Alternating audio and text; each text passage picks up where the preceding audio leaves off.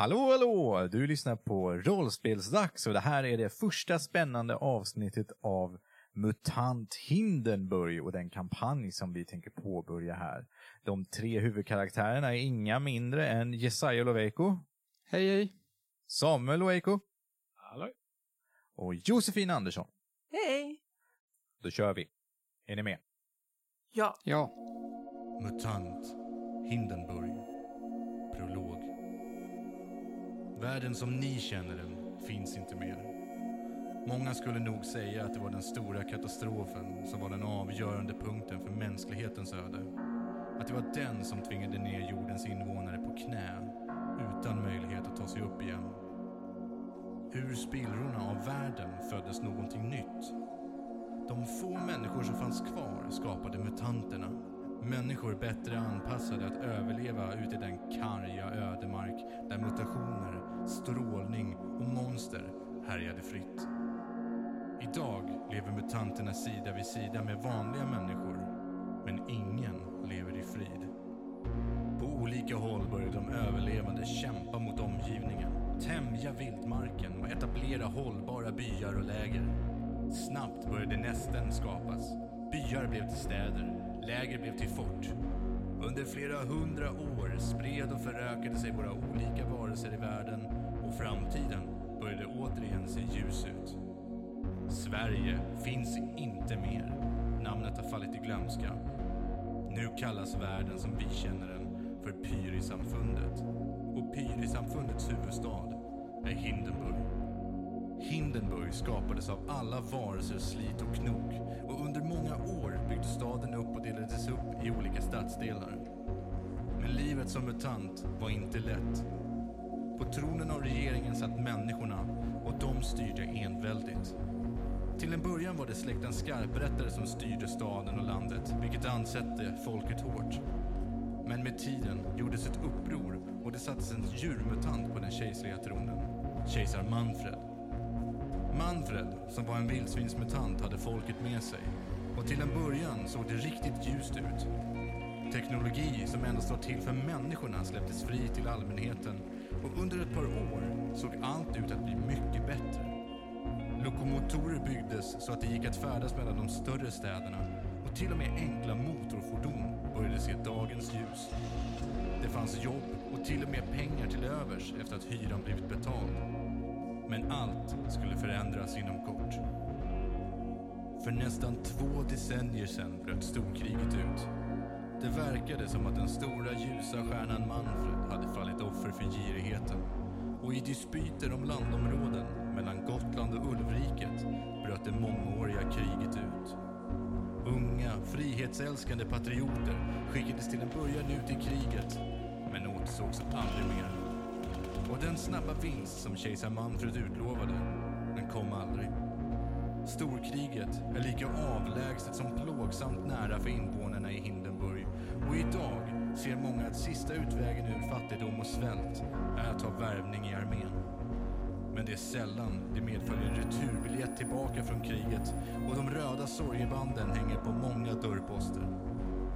I takt med den ökande mängden döda och sårade har de blickar som riktats mot samfundets ledare hårdnat och folkets omdömen har stämts om från lovsång till anklagande nidvisor. Invånarna är misstänksamma mot varandra då det är lätt att bli angiven av sina grannar om man uppför sig för mystiskt. Och ibland försvinner invånare spårlöst. Det är viktigt att hålla sig väl med allt och alla. Den som sticker ut försvinner lätt och ses aldrig åter. Den hemliga polisen har ögon överallt. I stadsdelen Diplomatstaden, nära intill det kejserliga palatset, sitter överheten ännu bekvämt. Men i staden har de flesta bekvämligheter försvunnit under krigens år och de flesta motorfordon beslagtogs till kriget. Och likaså velocipederna. Skrotskeppen som förr brukade glida in med massor av varor nästan helt slutat komma in i hamnen. De flesta mutanter bor i Hundängen tillsammans med djurmutanterna och de flesta människor bor tillsammans vid Kopparberget. Dessa två stadsdelar är dock två sidor av samma mynt. Fattiga och eländiga kvarter där desperationen ökar för varje dag som går. Det viskas om revolution och hämnd. Det talas om de orättvisor den lägre befolkningen tvingas utstå och i dolda källare hemliga möten talas det om förändring. Regnet faller tungt som en våt matta lagt sig över staden Hindenburg.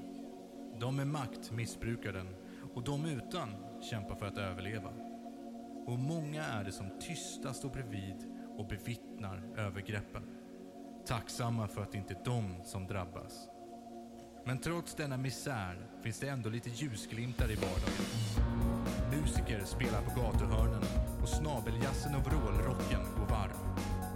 Det finns volontärer som undervisar stadens unga och andra godhjärtade varelser som gör sitt för att skapa förändring i de fattigare områdena. Och det är just i ett av dessa fattiga områden som vi möter våra hjältar.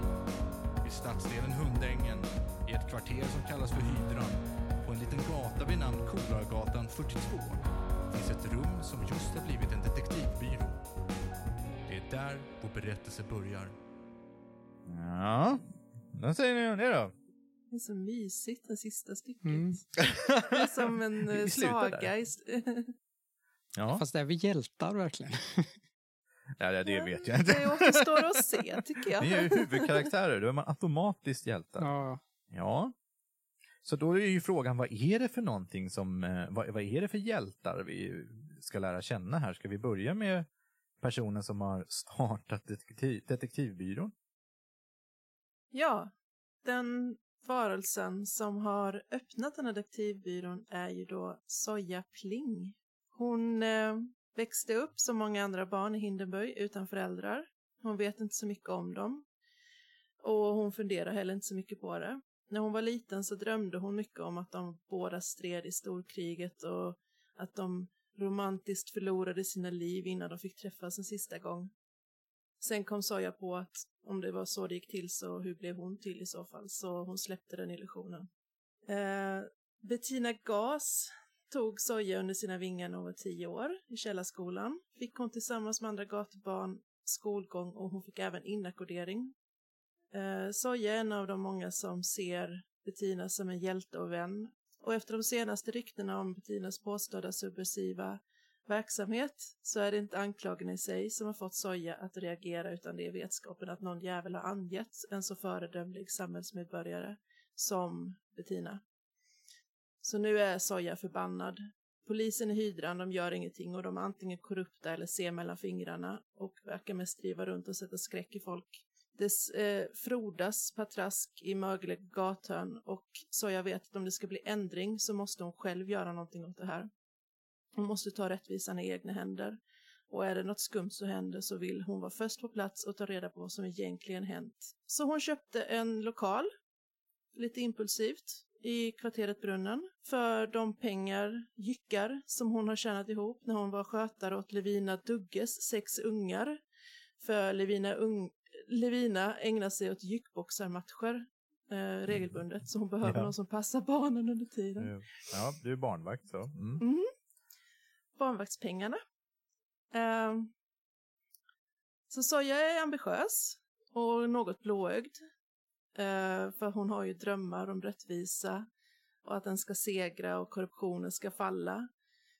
Men det är ändå inte så att de äldre så här, tittar snett på henne för det. Så de tycker att hon är ganska trevligt att ha en frisk fläkt eh, i sina kvarter och att det är lite gulligt att hon ändå har såna, eh, ja, sån fin bild av världen. Mm. Men de vet att tids nog kommer stadens skit ändå sippra in under huden på henne så att hon kan väl få drömma så länge hon förmår liksom. Ja, precis. Ehm, ja, hur ser hon ut? Eh, hon har på hennes armar, ben, axlar och hals har hon vassa taggar och utskott. Hon har även två köttlar på vardera sida om halsen, precis nedanför öronen, som innehåller frätande syra. Okej. Köttlarna leder syran till hennes mun och blandas där med hennes saliv. Så det är ganska mycket bestick och annat som under årens gång har blivit fallit offer för denna blandning, kemiska blandning. Hon har heller inte lyckats så bra med kärleken på grund av den åkomma kan man ju säga. Jätteobehagliga tungkyssas med, låter det som. Ja, bland annat. Ja. Okej. Hon har med andra ord lite komplex för de här körtlarna. Så därför har hon en, en lång rock med hög krage som täcker dem. Okej. Hon behöver sällan heller äta om hon är utomhus. Och är det riktigt fint väder så kan utskotten på kroppen börja blomma. Och annars så har hon sandfärgat hår och grå ögon och ser rätt alldaglig ut. Ja, okej. Ja, ska vi ta nästa figur då? Eh, Samuel, vad, vad spelar du för något? Eh, jag spelar en eh, karaktär som heter Etnon Morieris, men han kallas normalt för Vesslan. Kalle Moreus. vad sa du? Etnon Morieris. Etnon Moreus. Ja. Men han kallas för Vesslan och eh, han svarar bara på Vesslan och alla i hans närhet säger Vesslan. Han har inte hört sitt riktiga namn. vad skönt. Skriver ner här. Vesslan. Ja, Mm. Han är eh, ett eh, mårddjur med eh, gyllenbrun päls, klädd i en eh, mörkgrå polotröja, svarta shorts och en eh, grå eh, gubbkeps. Alla förstår vad jag menar. Han, han är en vesslan. som kallas för vesslan och är en vesslan. Nej, han är faktiskt inte en vessla. Eh, Nej, ja, Han är mer en mård än en vessla. Han. Eh, Okej. anledningen att han kallas för vesslan, han kallas inte för vesslan med ett e utan vesslan med ett ä som i Vesslan. som, som i ordet. Ja. som vesslan. Eh, Han har fått sitt smeknamn för att han, eh, alltså dels då för att han lite ser ut som en vessla och folk som inte eh, kan skillnader på mårddjur, men eh, främst för att han har en lika vass tunga som eh, hans kniv. Okej. Mm. Vad, vad är du för något? Vesslan? Nej, mård! Ja. Han eh, föddes eh, i alla fall till en familj som var hyfsat välbärgad i, i Hindenburg. Då hans eh, pappa ägde en manufaktur. Eh, som gjorde metallbeslag. Men som så många andra familjer i Hindenburg, när kriget kom så gick ju allt skeppret åt helvete och kejsar Manfred ville ställa om pappans manufaktur till att göra vapen och grejer och pappan vägrade och motsatte sig det i flera år Mhm. tills till slut kejsarens tålamod tog slut och hemliga polisen kom och knackade på dörren och tvingade pappan att skriva över manufakturen till kejsaren så att kejsaren ägde den istället och fick göra Okej. vad han ville med den. Ja. Och då blev även eh, pappan eh, och eh, Vesslans fem år äldre bror tvångsrekryterade till armén. Mm. Vesslan själv var inte, han var ju bara tio år gammal när det hände så att han lyckades ju fly därifrån. Det jävla svinet alltså. Ja. Men så han fick ju växa upp på gatan mer eller mindre och lärde sig sånt man lär sig på gatan. Ja. Så det är därför han, han eh, får ju mat för dagen genom att lura folk. Det låter farligt. Mm. ja, Ja, hans tillvaro är ju inte det mest tryggaste i världen kanske, men eh, fan gör man inte. Det är en tuff värld. Ja, det är ju det. Soja, pling och vesslan. Alltså. Okej. Och, och så har vi Jesaja också. Det har vi. Jag ska spela en karaktär som heter Kia Pollock, men eh, kallas för Laxen. Det är så jävla dumt. Ja. Varför kallas han för laxen? Det kommer framgå i spel. Jaha, okej. Mystiskt. Jag vet inte för att vara helt ärlig. det kommer spelas fram helt Ja, det kommer- bara- Det kommer att synas i spel. Okej. Så Ja. fort jag har kommit på varför. Jag har en tanke om att det kommer vara en ursäkt eh, som eh, Laxen använder. För den frågan kommer ju säkert komma upp ett antal gånger och så kommer det alltid vara nya berättelser om varför. Jaha, okej. Laxen har inte varit i Hindenburg särskilt länge utan bara fyra månader. Och det är eh, stadens anonymitet som lockat. Ja, jag förstår. Laxen har eh, under hela sitt liv eller hela sin uppväxt varit trakasserad och känt sig udda. Och därför så har laxen valt ett liv där det är lite lättare att få vara i fred och tror att Hindenburg är rätt ställe för det. Okej. Den här eh, uppväxten eh, av trakasserier och mobbing har lett till stark känsla av vad rättvisa är och att alla varelser borde få samma möjligheter att leva och frodas. Ingen borde bli dömd för hur en är. Mutanter som människor är alla barn av denna värld och därför är det fel att göra skillnad på varandra. En väldigt stark åsikt hos laxen. Okej. Mm. Den första tiden i Hindenburg gick ut på att hitta någonstans att bo. Men eh, eftersom laxen inte har några pengar så, så fanns det inte så mycket alternativ till ordentligt boende utan den fick bli en vind eh, ovanför klubb Spetsnasse eh, där ingen vet att laxen bor. Eh, det är ingen som stör och där, därför så går det an även om det är kallt och eh, ruggigt. Det är en plats att bli lämnad i fred. Varför är det ingen som vet att han bor på vinden? Precis, det är ingen som vet för det är Varför? Om du bor på vinden på en klubb eh, borde väl folk Mm. veta? Det finns ju en anledning till det. Klubb Spetsnase som eh, eh, Kia, eller Laxen, eh, bor på, den är ju faktiskt både ett café och en ruin. Det är, café Spetsnassen är ju eh, en halv byggnad. För förr i tiden så var det ett gäng människor, eller varelser ska man kanske säga, som var väldigt mycket emot staten. Så att halva huset har brunnit ner, för till slut så kom polisen och brände ner hela stället. Och Ja. hon som äger det har låtit det stå kvar. Hon har inte velat restaurera det, utan det är som ett minne till polisen och deras korruption, så att säga. Och ibland kommer folk och tittar på det. Så då är det café i andra änden av huset. Och i den här biten av ruinen är det tanken då som Eh, laxen bor då. Någonstans. Så du smyger nog dit i hemlighet när det är mörkt och så, tänker jag. Ja. Bra dagar så brukar laxen spendera på ett ställe som heter växlingskontoret. Det har ingenting med pengar att göra utan det är ett härberge för eh, fattiga och gamla och hemlösa. Eh, laxen spenderar tiden där som frivillig och hjälper till. Anledningen är att det här växlingskontoret som det heter, det, det drivs av eh, den gamles kult. Berätta lite. Vad är det?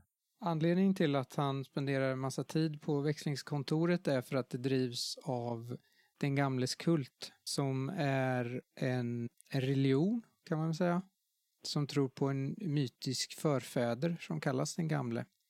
Som är en uråldrig och androgyn ödesgestalt som faktiskt både är moder och fader. Okej. Den gamles kult driver det här eh, härberget. Och det var ett växlingskontor och heter fortfarande växlingskontoret. Ja. Bra dagar spenderar laxen på växlingskontoret genom att hjälpa till. Det skänker en tröst i tillvaron. Att hjälpa dem som, som behöver, det skänker en stunds mening i tillvaron. Och den gamles närhet skänker tröst som laxen ofta behöver. Dessutom är det tillfälle att få ett mål mat genom att hjälpa till där. Sämre dagar klarar laxen inte ens av att lämna sitt improviserade sovrum på den här vinden. Tyvärr är det ganska många dagar som inte är så bra. Deprimerad karaktär eller vad är det som gör att den inte orkar? Gamla trauman som spökar, kan man väl säga. Det är nämligen så att laxen blev skjuten från sin familj som barn och har spenderat de senaste 13 åren i ensamhet eller med andra personer som förr eller senare även förskjutit laxen. Ja, Varför gör man det då? Eh, därför att laxen är lite speciell och udda. Okej. Laxen är kort och mager, har brunt kortklippt rufsigt hår och en filtad jacka med kapuschong över en varm ylletröja. Okej. Laxen behöver rätt så varma kläder eftersom många nätter har behövt spenderas utomhus. Vänstra armen är mycket längre än den högra. Okej. Ja. Och innanför kläderna så, så bär laxen den gamles märke, en, en symbol för sin tro. Okej. Alltså är det en, i en amulett eller? Ja. Okej, ja men då har vi lite koll på vad ni spelar för karaktärer. Mm. Ja. Ja. Då tycker jag att vi ger oss iväg till MUTANTs värld.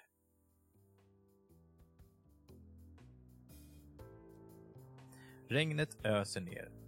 Det smattrar mot de smutsiga rutorna i det här relativt tomma rummet på tredje våningen på Kolagatan 42.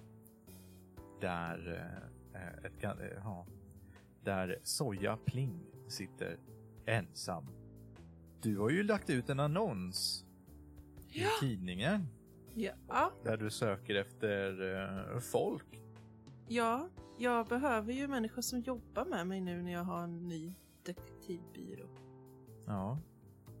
Det här är ju, eh, det är ju ganska tidig vår så de här kalla vårregnen kommer fortfarande men ibland så kommer lite sporadiska bitar av sol men nu är det ganska så eh, regnigt och mörkt ute. Mm. Klockan är kanske två på eftermiddagen.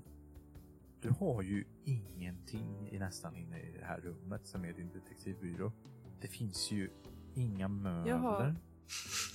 Det är, du har ju hyrt det här rummet. Det är vad du har sparat ihop pengar till. Ja, jag trodde ju att det skulle vara möblerat. Ja, där vart du lurad. Ja, jag har lärt mig en- någonting idag. Det finns Man en ska- gammal stol som är lagad och sådär liksom. Men det finns nästan ingenting i det här rummet som du hyr. Men jag har en liten oljelampa som håller mig ljuset. Ja, ja den är... Jag har en sån här skrotlampa som eh, fylls på med olja. Det kan du ha. Det, det var ju idag som din annons gick ut i staden Hindenburg. Mm. Du har ju skrivit i eh, tidningen Imperiets röst där du har sökt efter... eh, Kan du läsa vad din annons sa? Jag granskar den eh, vid oljelampan och mitt förstoringsglas. Så jag kan... Ja, du har ju ett förstoringsglas också. ja, jag glömde det. säga det. Ja, men nu har vi sagt det. Så jag ligger där på golvet och tittar på den här annonsen som jag har lagt upp.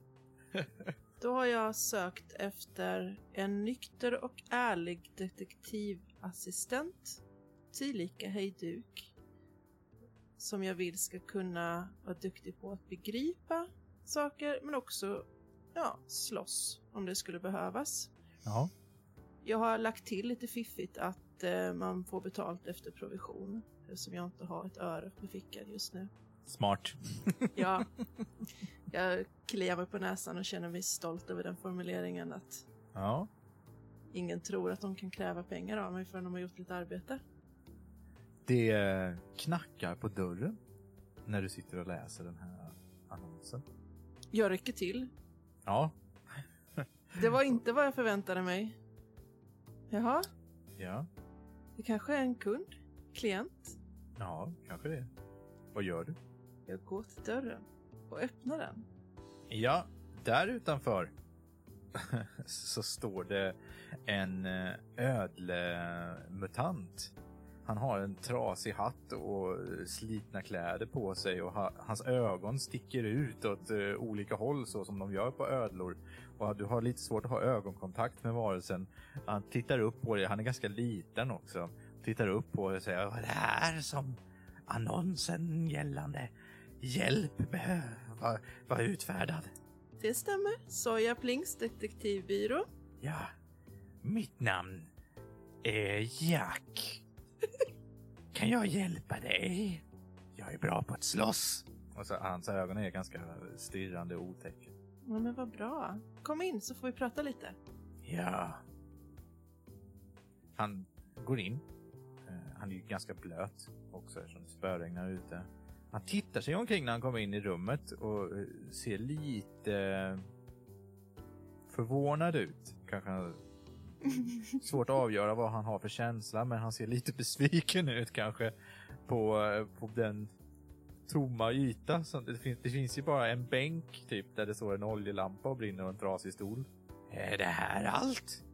Vi har ju precis öppnat. Aha, Eh, ja, ja. Lite att göra för att komma i ordning och så. Jag förstår. Ja.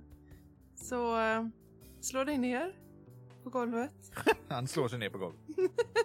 eh, jaha, Vad har du gjort tidigare? Ja, vad har jag inte gjort? Jag har gjort allt möjligt. Eh, för, ja, det har väl varit en del tuffa tider om man säger så. Ja, jag har eh, helt klart eh, inte alltid varit den som eh, har gått på den goda sidan, ska jag väl helt ärligt. Det beror väl på omständigheterna också. Det där svinet och hans regim. Han spottar på golvet när han vid namnet Manfred. Jag tycker inte om det här. Ja, för mig är det ju väldigt viktigt att man eh, har en stark moralisk kompass när man arbetar med det här och heller inte spottar i någons nyöppnade verksamhet. Oh, oh, oj, oj, oj. för- Ja, vad fan. Men eh, Ja, jag ber om ja, nej, det är ingen fara. Eh, men det var ju tre- jättekul att få ett ansikte på dig och eh, jag har några fler sökande men jag kontaktar dig så snart jag har ett besked till dig. Hej då! Hej då. Och sen så slinker han ut ganska så tyst. Trevlig kille. Ja, gå till Moppes korvmoj. Jag brukar hänga där utanför. Ja men vad bra! Perfekt, jag hittar dig där då. Ja, okej. Hej då! Det tar ganska många timmar innan det kommer någon ny. innan det kommer någon ny. Men plötsligt så knackar det på dörren igen. Kanske en klient? Nej. Eh, I det här fallet så är det Vesslan som står utanför. Hallå där! Hej! Vesslan var namnet. Hur mår du? Tack så mycket, jag mår bra. Fint etablissemang ni har här. Hej! Söker jobbet. Mycket bra på det du söker. Exakt vad var det jag sökte? Excellenta detektivadministratörskunskaper har jag och jag kan handge mig mycket utförligt, säger Vesslan, plockar fram kniven och snurrar den på fingerspetsen. Mycket imponerande. Eh, du kan lägga ifrån dig den nu. Eh, han gör en handrörelse eh, så det ser ut som att den försvinner. Ja, jag gillar din stil.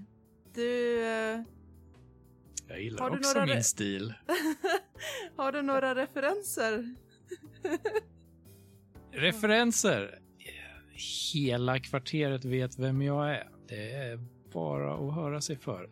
Fråga efter Vesslan. Jag har kontakter. Ja, det är som att bli inslängd i en vägg här alltså av självförtroende. det, känns, det känns som att du inte har någon val.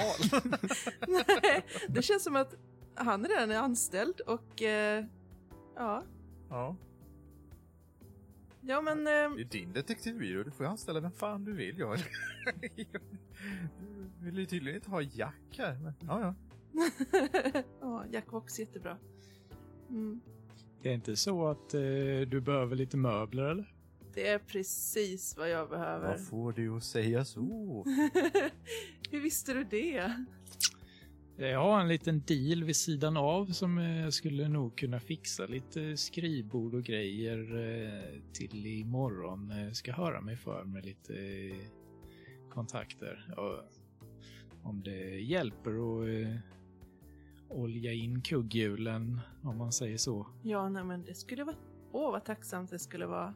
Det är underbart. Du ser, vi har ju lite... Det är lite tomt här fortfarande. Ja, Den trasiga pinnstolen faller ihop av sin egen tyngd. ja, ja, men då finns det alltid rum för förbättringar. Måste se det positiva på det.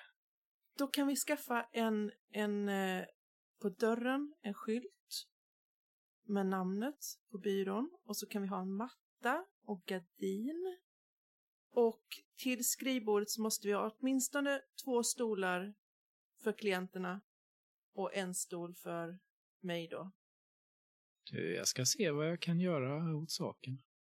Ja, kom, om du kommer tillbaka hit med, med de möblerna jag behöver så eh, ja, då är du anställd. Fantastiskt!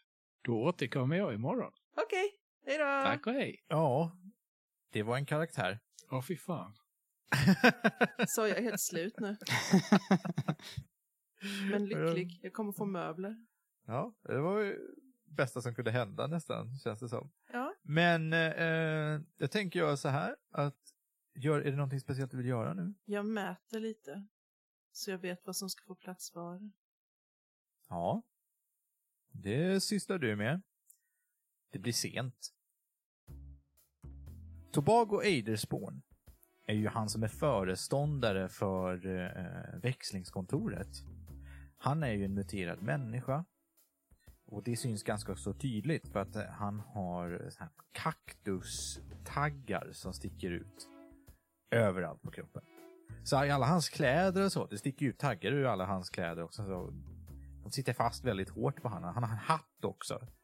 Uh, eller han, vad säger jag, han har en keps eller någonting. Och den har också massa taggar igenom sig. Så allting sitter fast väldigt hårt på honom. Då är laxen.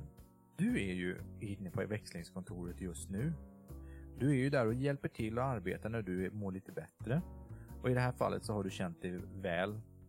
Eh, och, och hjälper till med att ta hand om stadens äldre framförallt i det här härberget till för de som inte kan jobba och skaffa mat och så vidare. Tobahago går med en tallrik som han balanserar på sina taggar med eh, bröd på. Någon form av eh, limpa verkar det vara.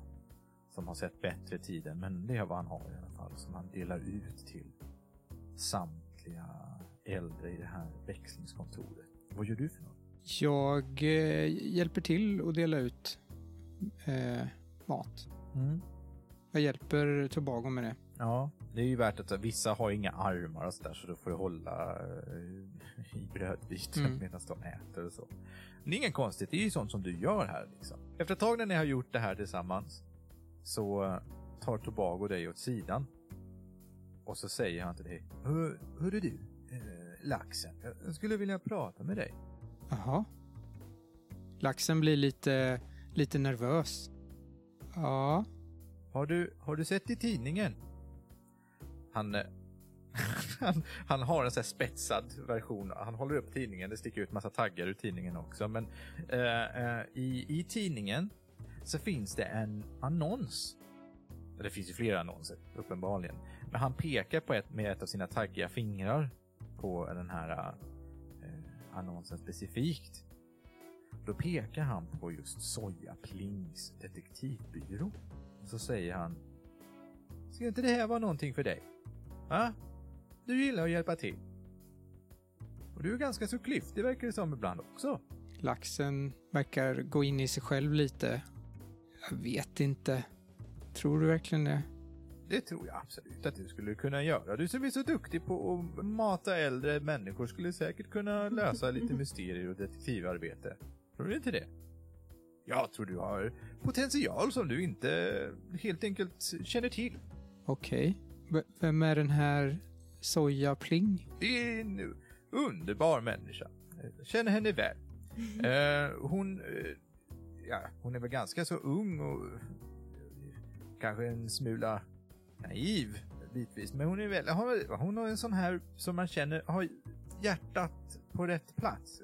Hon, hon, hon vill göra någonting bra. Hon gör skillnad. Och det känns det som att du också vill göra. Laxen nickar. Ah, Det var bara ett förslag. Du vill inte gå och skrota här på växlingskontoret för alltid? Ha? Nåja. Den gamle var det med dig, säger han. Och sen, eh, Den gamle var med dig. han går och tar eh, en, någon platta, en så stor stekpanna som har blivit lite varm. Och sen går han och stryker tvätt med den. Frågor på det? Nej, Jag tänker att resten av den här dagen går och, och eh, att, Ja. att laxen inte säger någonting mer under resten av dagen och sen går hem. Men ändå har någon slags känsla i kroppen av att det finns en person till här som, som vill göra rätt i världen. ja. Det lockar ju lite, men eh, jag vet inte. Tanken släpper inte riktigt. Sen går laxen tillbaka till växlingskontoret dagen därpå och fortsätter hjälpa till. Jaha. Du sa jag Pling, du har ju inte några fler intressanta, eller det kommer några, men du märker direkt att nej, det här är inga som du vill ha att göra med i din detektivbyrå. Det, antingen så är det rena rama busar som du liksom vill försöka bli av med kan man väl säga. Eller så är det fullkomligt inkompetenta människor som inte riktigt kan någonting. Många faller på första kriteriet, att de ska vara ärliga och nyktra. Det går liksom inte om Precis, det kommer ju ganska många suputer också. Mm. Så du väntar till nästa dag, men då har du i alla fall förhoppningsvis någon som kommer med möbler idag, är tanken. Ja, Vesslan. Ja. Du ska fixa möbler. Ja. Hur fan hade du tänkt göra det? Eh, så fort eh, Vesslan kommer ut eh, från Soja Plings detektivbyrå så styr han kosan eh, raka vägen mot spelhålan. Ja, så det här är igår nu. Det är igår. Ja. Ja, men då, då, då går vi tillbaks. Mm. Du har gått ut från Soja Plings kontor. För att, alltså, det finns ju skrotupplag och sånt där man kan fixa eh, enkla möbler enkelt med vagn och så, men eh, Vesslan vill göra ett intryck så han tänker att eh, om han förvandlar sina sju krediter han har på fickan eh, till eh, många, många fler krediter så kan han köpa finare möbler. Hur mycket pengar har, hur många krediter har du på dig? Sju. Har du sju krediter på? Det är ju ganska mycket pengar. Ja, ja. Men det går att mångdubbla det. Bara man är lite skillad i tärningsspel. Och Ja. det är ju Vesslan. Ja. Du går till spelhålan alltså? Ja. Spelhålan ligger på Ottardunkels gata. Där står det en skylt ovanför. Där står ölmust, två jyckar. Tinner, en jycke. Vadslagning avgår 5% i avgift till kassören. Det här känner ju du väl till, du brukar ju hänga här. Ja. Mm, inne på en innergård i en halvöppen lokal intill finns en hastigt upprättad spelhåla som drivs av Jaspar Exon i Niofingersklanen. Niofingersklanen är ju ett gäng. Eh, I ett par rangliga burar hetsas olika zonbästar eller fattiga fighters mot varandra i blodiga drabbningar. Några bord för tärnings och kortspel finns också. Jaspar har ett par grova muterade bjässar som ser till att hålla lugnet medan uttern Texas Dinkel och dennes kassör Julia Höjk noga för bok över intäkter och skulder. För den som har en kampbäst eller vill själv kliva in i buren är det inget problem att- att få chansen. Jaspar behöver alltid mer talanger att slå vad om. Ryktet säger till och med att Jaspar nyligen blivit rånad av en ökänd gangsterduo som kallas för Boss och Palt. Vissa menar att han är extra paranoid just nu av rädsla för att det ska hända igen. Andra att han framförallt är skraj för att hans boss ska få kännedom, kännedom om rånet. Mm. Okej, då har vi en ganska bra bild av spelhålan tänker jag. Det är ju zonbästar som skriker och eh, väsnas. Just nu så pågår det en fight mellan en icke-muterad människa och en djurmutant.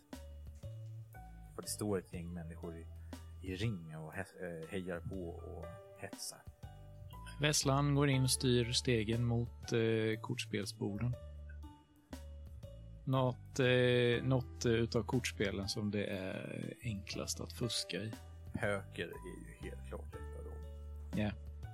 Det sitter tre andra och spelar och de tittar lite grann upp på dig och nickar igenkännande. De vet nog ändå vem du är. Du är ju inte främmande i, i det här området. Nej, jag nickar tillbaka och slår mig ner. Du köper dig in där eh, och eh, börjar spela med de här. Ja. Jag tänker så här att eh, man ska lura in de andra vid bordet eh, i en början. Ja.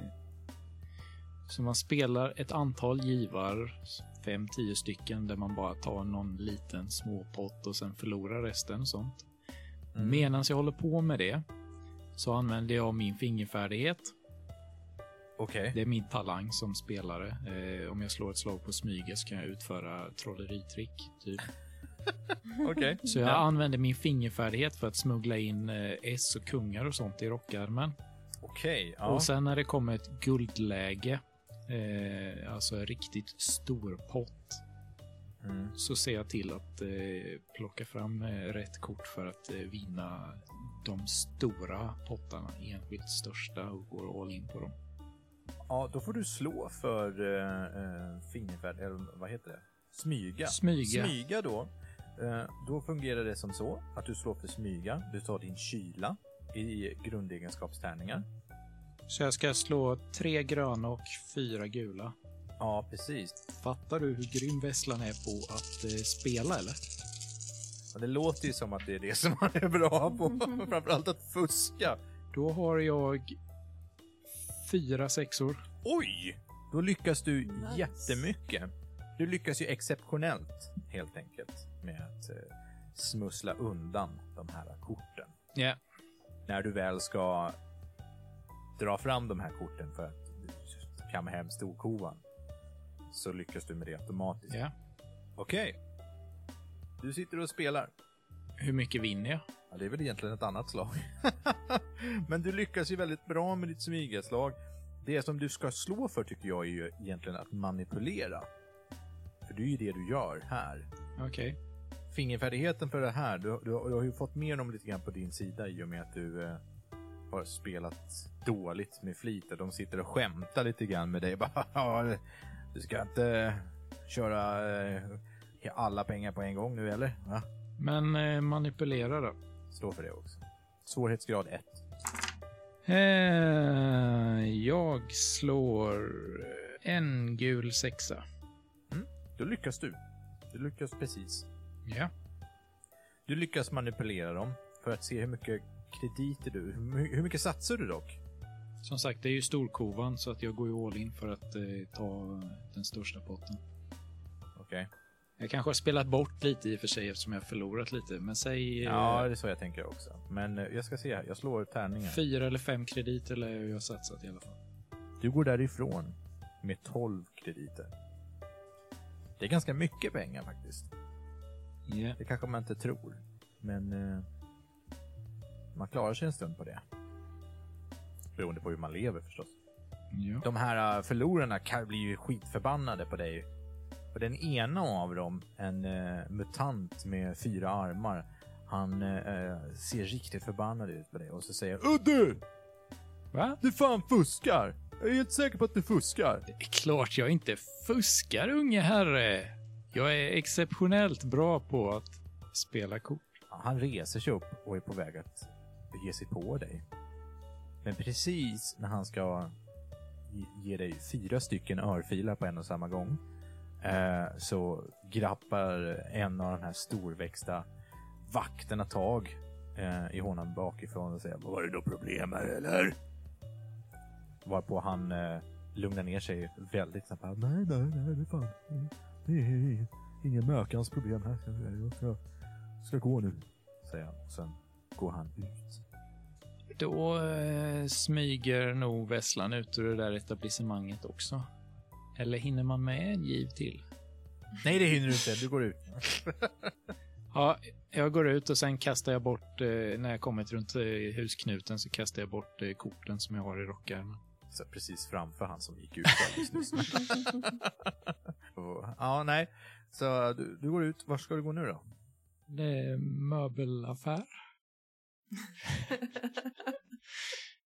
Du går och köper och hittar, eh, hittar begagnade möbler då för en ganska billig peng. Men i och med att du ska ha skrivbord och sånt där så går de mesta pengarna åt som du har spelat ihop. Ja. Det är skrivbord, eh, stolar som är lite schyssta. Det finns till och med en stol med så lite fodring till. Ehm, han säger också Ludo, då. Ludo är en djurmutant. Han är en sån hund, är han. Cocker spaniel är han. Och, eh, och han säger till det, ja, eh, jag kan ju skicka mina, några av mina barn och hjälpa till och, och bära också. Det är ju ganska mycket. Ja, eh, leverans imorgon. Kör vi. Ja, Det ska, det ska bli. Inga problem, eh, herr, herr, herr Vessla. Kolargatan 42. Ska jag, ska jag anlända hit till... eh, till ja. Jag kommer till dig eh, tidigt imorgon bitti så kan vi frakta bort det till adressen den ska till. Absolut. Fantastiskt. Tillbaka till laxen. Mm. Det är ju dagen därpå då. Precis. Nu är det ju, nu är vi i synk Mm. igen. Ja. Och jag går mot växlingskontoret. Ser ett spelkort i rännstenen. undrar, undrar vad det gör där. Det är ett, eh, ett sånt S. Precis. Mm. Eh, jag tar upp det och sen så fortsätter jag vidare till växlingskontoret. Och tänker Mm. att Jag vet inte om det är en bra idé att bara gå dit sådär. Jag, jag, borde nog, jag borde nog skriva ett brev först. Jag kanske ska skriva på baksidan av det här kortet. På baksidan av spelkortet. Ja. Så när jag kommer till växlingskontoret så lånar jag en penna. Och så skriver jag Okej. en jobbansökan. Vilket känns jättekonstigt och olustigt för jag vet inte riktigt vad, vad skulle jag göra där liksom. Eh, men det är ändå någonting i mig som känner att det här känns rätt. Jätteliten jobbansökan blir det Ja, också på ett det- spelkort. Det blir det. Jag skriver lite smått men, men, eh, men det blir det och jag ger eh, Tobago och Eiderspån som referens. Okej. Sen tar jag och går och lägger det i postlådan på Kolargatan 42. Och sen så går jag tillbaka till växlingskontoret. Så du ska sätta ett frimärke på det här spelkortet? Nej, alltså jag går ju förbi och lägger det på en postlåda vid Kolargatan 42. Jaha, okej. Jag bara, fan. Ja, så du går och lägger det i uh, brevlådan. Det, det finns ju ingen riktig brevlåda. Eh, utan då får du gå upp för de tre våningarna, för det är ju på tredje våningen. Okej. Ett sånt brevinkast har hon. Ja. Det här är ju ganska tidigt på morgonen. Ja. Soja Pling, du är ju vaken. Ja, Och du är också i eh, din detektivbyrå, för det här är ju lite grann ditt hem också. precis. Jag har inte så många andra ställen att gå till. Nej, precis. Ehm, du hör hur det kommer upp någon tyst för trappen och står utanför din dörr. Kan det vara en klient? Nej. Ehm, laxen, vad gör du för något? Jag har ju en puls på t- 80-11 höll jag på att säga, 280 eh, Mm. just nu. Eh, så jag lämnar den här och sen så tar jag mig därifrån så fort som möjligt. Ja, eh, ditt, ditt lilla brevinkast öppnas och så faller det in ett spelkort Ja. på Ja, golvet. Och sen bara springer jag allt jag kan. Du hör hur det springer någon ifrån. jag kastar mig mot dörren och sliter upp den. Ja, du ser bara ryggen på någon som precis försvinner ner för trapporna och utom synhåll. Hmm. Han verkade rädd. Han kanske är rädd för att sanningen ska komma fram. Jag kollar på kortet. Ja. Ja, vad står det på kortet? Nedkladdat. Det står... ehm, Det eh, måste vara extremt begränsade i utrymmet. Ja. Så här, som det det är välformulerat och det är fin handstil. Eh, och ganska formellt så står det eh, en arbetsansökan om platsen till detektivassistent. Det står en eh, kort beskrivning av mig som söker där jag skriver lite om att jag tycker det är viktigt med, med rättvisa och eh, det står att jag jobbar på växlingskontoret. Tobago Eidersbo eh, kan vara en referens. Trots det konstiga mötet så är ju det här en av de bästa ansökan jag har fått. Och det säger en hel del, för det är, Mm. det är rätt många som har kommit också och sökt. Ja, just det. Hmm. Och det är ingen som har sagt att de är för rättvisa innan heller självmant. Nej. Det går ju lite hand i hand med det du eh, jobbar för. Jag går ut Okej. och går till växlingskontoret. Aha, ja det kan du göra. Du vet ju var det ligger någonstans. Det är samma kvarter. Ja, du går längs med gatan. Du ser eh, tre stycken ungdomar ser du som håller på med någonting i en av gränderna. Ser det skumt ut? Ja, men det drar, dina blickar dras mot dem. Det är tre ungdomar, ganska unga människor. Eh, men, eh, ja, människor är de. Eh, tre unga människor som står och håller på och tejpa upp någonting på en vägg. Hallå där era busar! De tittar upp på dig. Och de tittar upp på dig och så säger Vad är det? Spring! Och sen så eh, springer Vad de håller ni iväg. på med? De springer iväg. Jag går fram och kollar. Vad är det de har tejpat? De har eh, tejpat, de har satt upp en eh, lapp. Eh, där det står om orättvisor i eh, kvarteret. Eh, där, och så står det med stor text över ner med svinet. Mhm. Det här är ju väldigt, alltså, det är ju ingen som tycker om Manfred. Men å andra sidan, det är jättetabu att göra så här. Då det är stor risk att man får hemliga polisen på sig. Ja, alltså jag blir ju orolig för deras säkerhet. Ja, precis. Han springer iväg me- mellan gatorna och de är rätt snabba. Du tyckte att du kunde känna igen några av dem. Du kan inte riktigt placera var. Jag lägger ansiktena på minnet. Mm. Ja, de tittar ju rakt på dig. Mm. Kom inte på vilka det är. Du går till växlingskontoret i alla Ja, fall. jag har ett mål där. Jag får göra det. Ja. Ehm.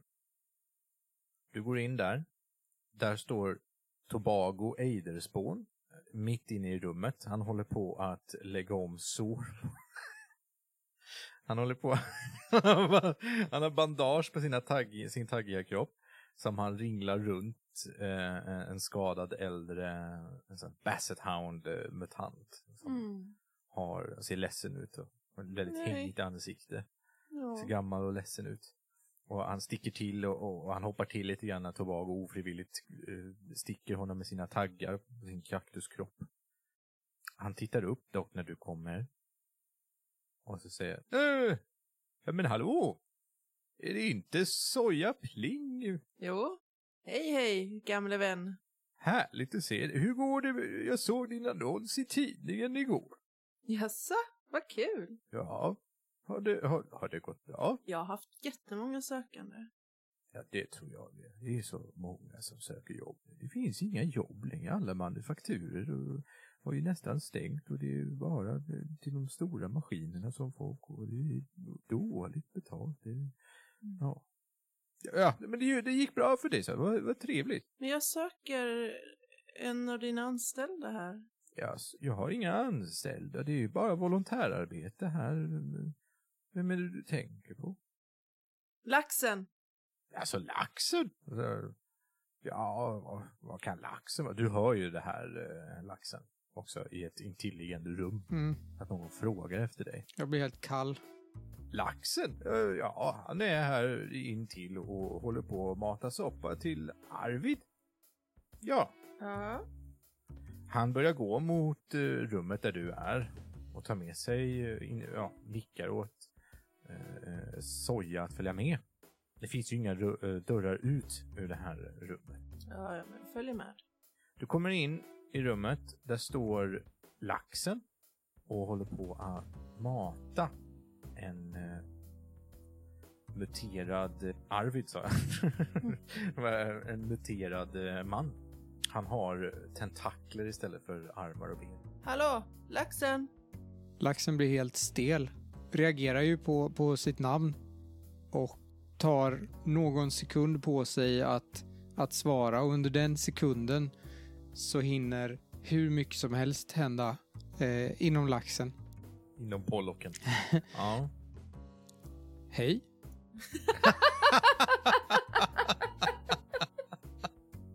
Du ser ju hur den här människan tampas med olika känslor och alltihop. Men lyckas till slut klämma fram ett hej.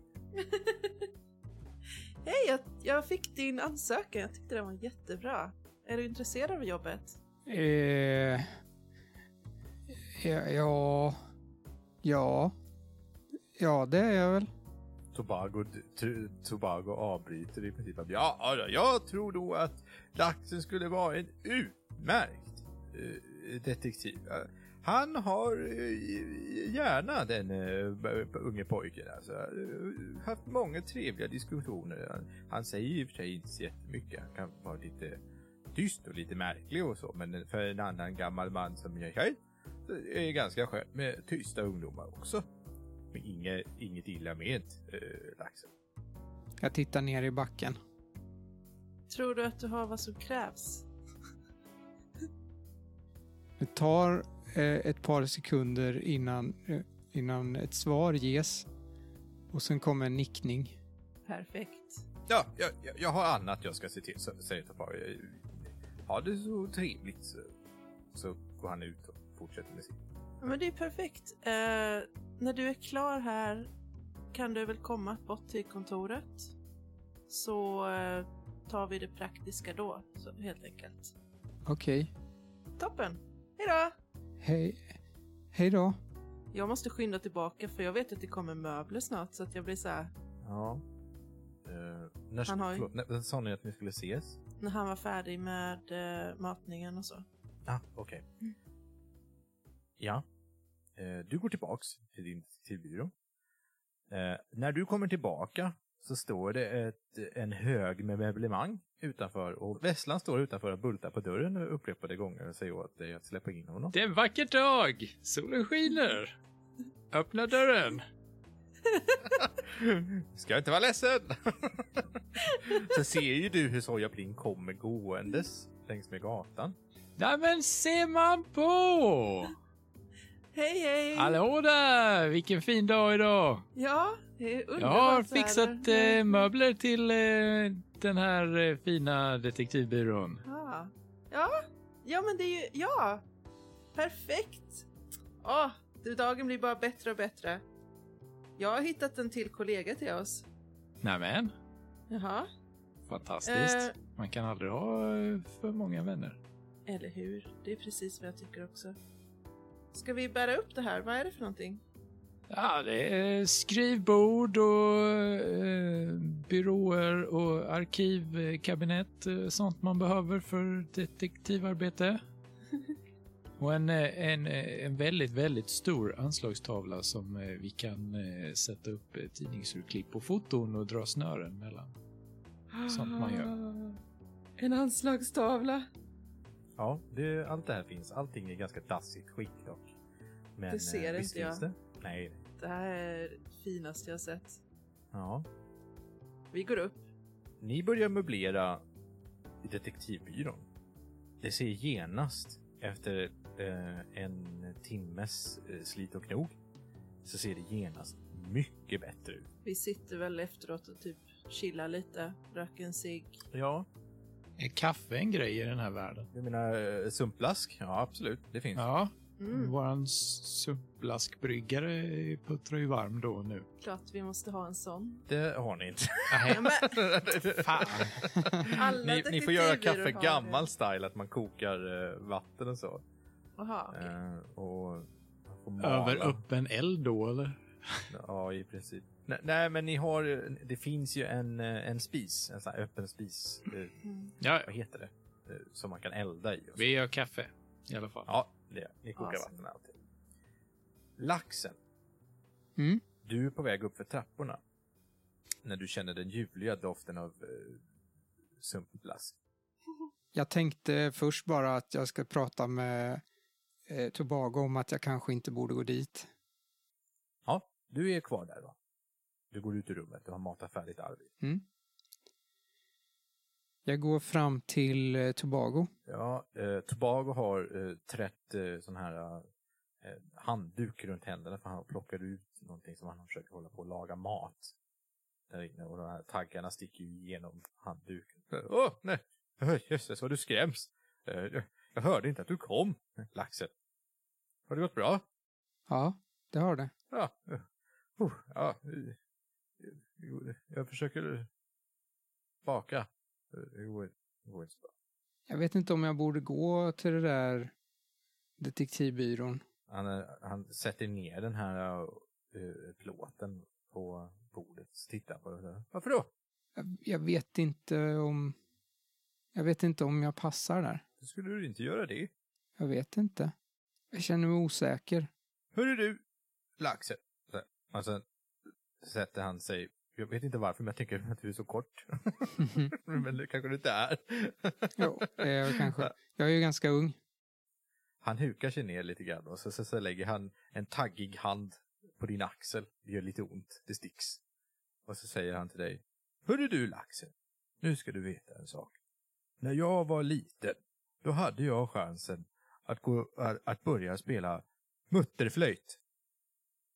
Men jag var tvungen att gå dit och jag var jätterädd för att jag inte skulle vara bra på det. Vet du vad som hände? Nej. Jag gick aldrig. Jag tog aldrig chansen. Och jag älskar att lyssna på mutterflöjtsmusik. Jag gillar snabeljazz med mutterflöjt. Det är det finaste jag vet. Jag är avundsjuk på alla som kan spela det. Och jag ångrar än idag att jag inte tog den där chansen. Gör inte som jag gjorde. I värsta fall, ja det kan ju bara gå åt mökans helvete, eller hur? Och då kan du alltid komma tillbaka hit. Ja, okej. Men då, Ja, jag ska klappa dig på axeln, gör skitont. Eh, så, då, då Ja. går jag dit nu då. ja, det tycker jag att du ska göra. Och, så stå, och, och stå på dig. Du kan mer än vad du tror. Okej. Ja, sen så tar jag och lämnar växlingskontoret och går mot Kolargatan 42. Ja, gör det. Men innan du går så säger och den gamle går med dig. Det ska du veta. Tack Tobago, säger jag. Du står vid trapporna upp. Det är ju tredje våningen som sagt, det är ganska högt upp. Så, eh, du känner det från markplan hur det luktar härligt av sumpblask. Dricka. Det är en av dina favoritdrycker, men lite knölig att få till ju. Man måste kolla på att koka vatten och sånt där. Jag får nästan aldrig dricka det. Nej, precis. Jag andas in aromen. Ja. Och eh, inte bara för, eh, för doftens skull utan också för att lugna mina nerver lite. Så Mm. jag, jag vet ju att i sådana här sammanhang så brukar jag ju hyperventilera lätt. Ja. Så jag tar ett antal djupa andetag och känner sumpblaskaromens lugnande effekt. Ja. Och sen så tar jag och går upp för trappan. Du står utanför dörren.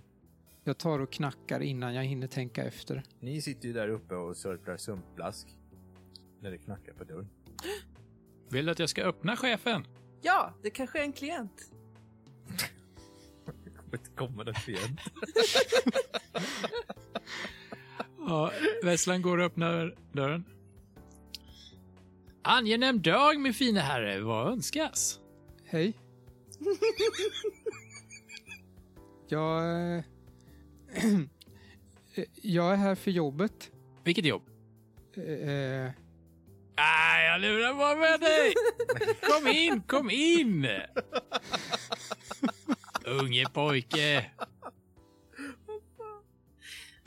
Känn dig som hemmastad. jag känner mig inledd i rummet, men det känns skönt att, eh, att inte behöva ta det initiativet själv. Ja. Behöver lite sånt Ja. kanske. Ja. Välkommen laxen, ta en kopp sumpblask, sätt dig ner. Tack. Se vad fint vi har gjort det. Jag blir jätteimponerad. Det här gjorde vi på bara ett par timmar. Innan var det tomt. Oj, säger jag utan att inse att jag säger saker. Det kan alltid bli bättre. Ja, Vänta bara tills vi fått in en stor fin röd matta på golvet också. mattor. Har vi något att luta våra trötta fötter på? Mm. Ja. Alltid velat ha en matta. Vad är läget med dig då, laxen? Jag ser, Mycket bra, mycket bra. Ja, Mm. är allt jag får fram. Jag djupandas lite, eh, men försöker dölja det så att det inte framgår att jag är nervös. Så jag andas djupt och långsamt, men försöker göra det så långsamt så att det inte märks. ska du ha en kopp eller? Jag nickar och sen så tar jag en kopp. Vesslan kilar iväg och hämtar en till kopp sumpblask. Ja. Hur ser det möblerat ut här nu? Undrar eh, jag som spelare. För jag tänker att jag kanske sätter mig ner någonstans där det är uppenbart att jag borde sitta. Det finns väl tre stolar. En för Soja Mm. Pling och två för klienterna. Så att eh, det är ett skrivbord i mitten av rummet. Ehm, och bakom det så är det då eh, den här vadderade stolen som vi hittade. som är min. Framför skrivbordet så står det två stolar. De är lediga just nu för det finns inga klienter. Jag tänker att det är där de sitter. I så fall Mm. om det inte har några klienter. Precis. Och eh, den ena har ju Vesslan suttit i så att du kan ju slå dig ner där. Ni sitter runt det här skrivbordet tillsammans. Och har en, eh, ett awkward men ändå trevligt samtal om ni. När det plötsligt knackar på dörren. chefen, har du anställt fler personer? Nej, det, det är ni. Ni är de anställda. Det ska inte komma några fler. Du har lyssnat på Rollspelsdags som spelar MUTANT Hindenburg. Hindenburg är en fristående expansion till rollspelet MUTANT år 0 som skapas av Fria Ligan. Gå in på deras hemsida för att hitta massor av spännande rollspel. Vill du veta mer om oss? Gå in på vår Facebook-sida. Rollspelsdags heter den Missa inte nästa spännande avsnitt. Vi hörs då. Hej då.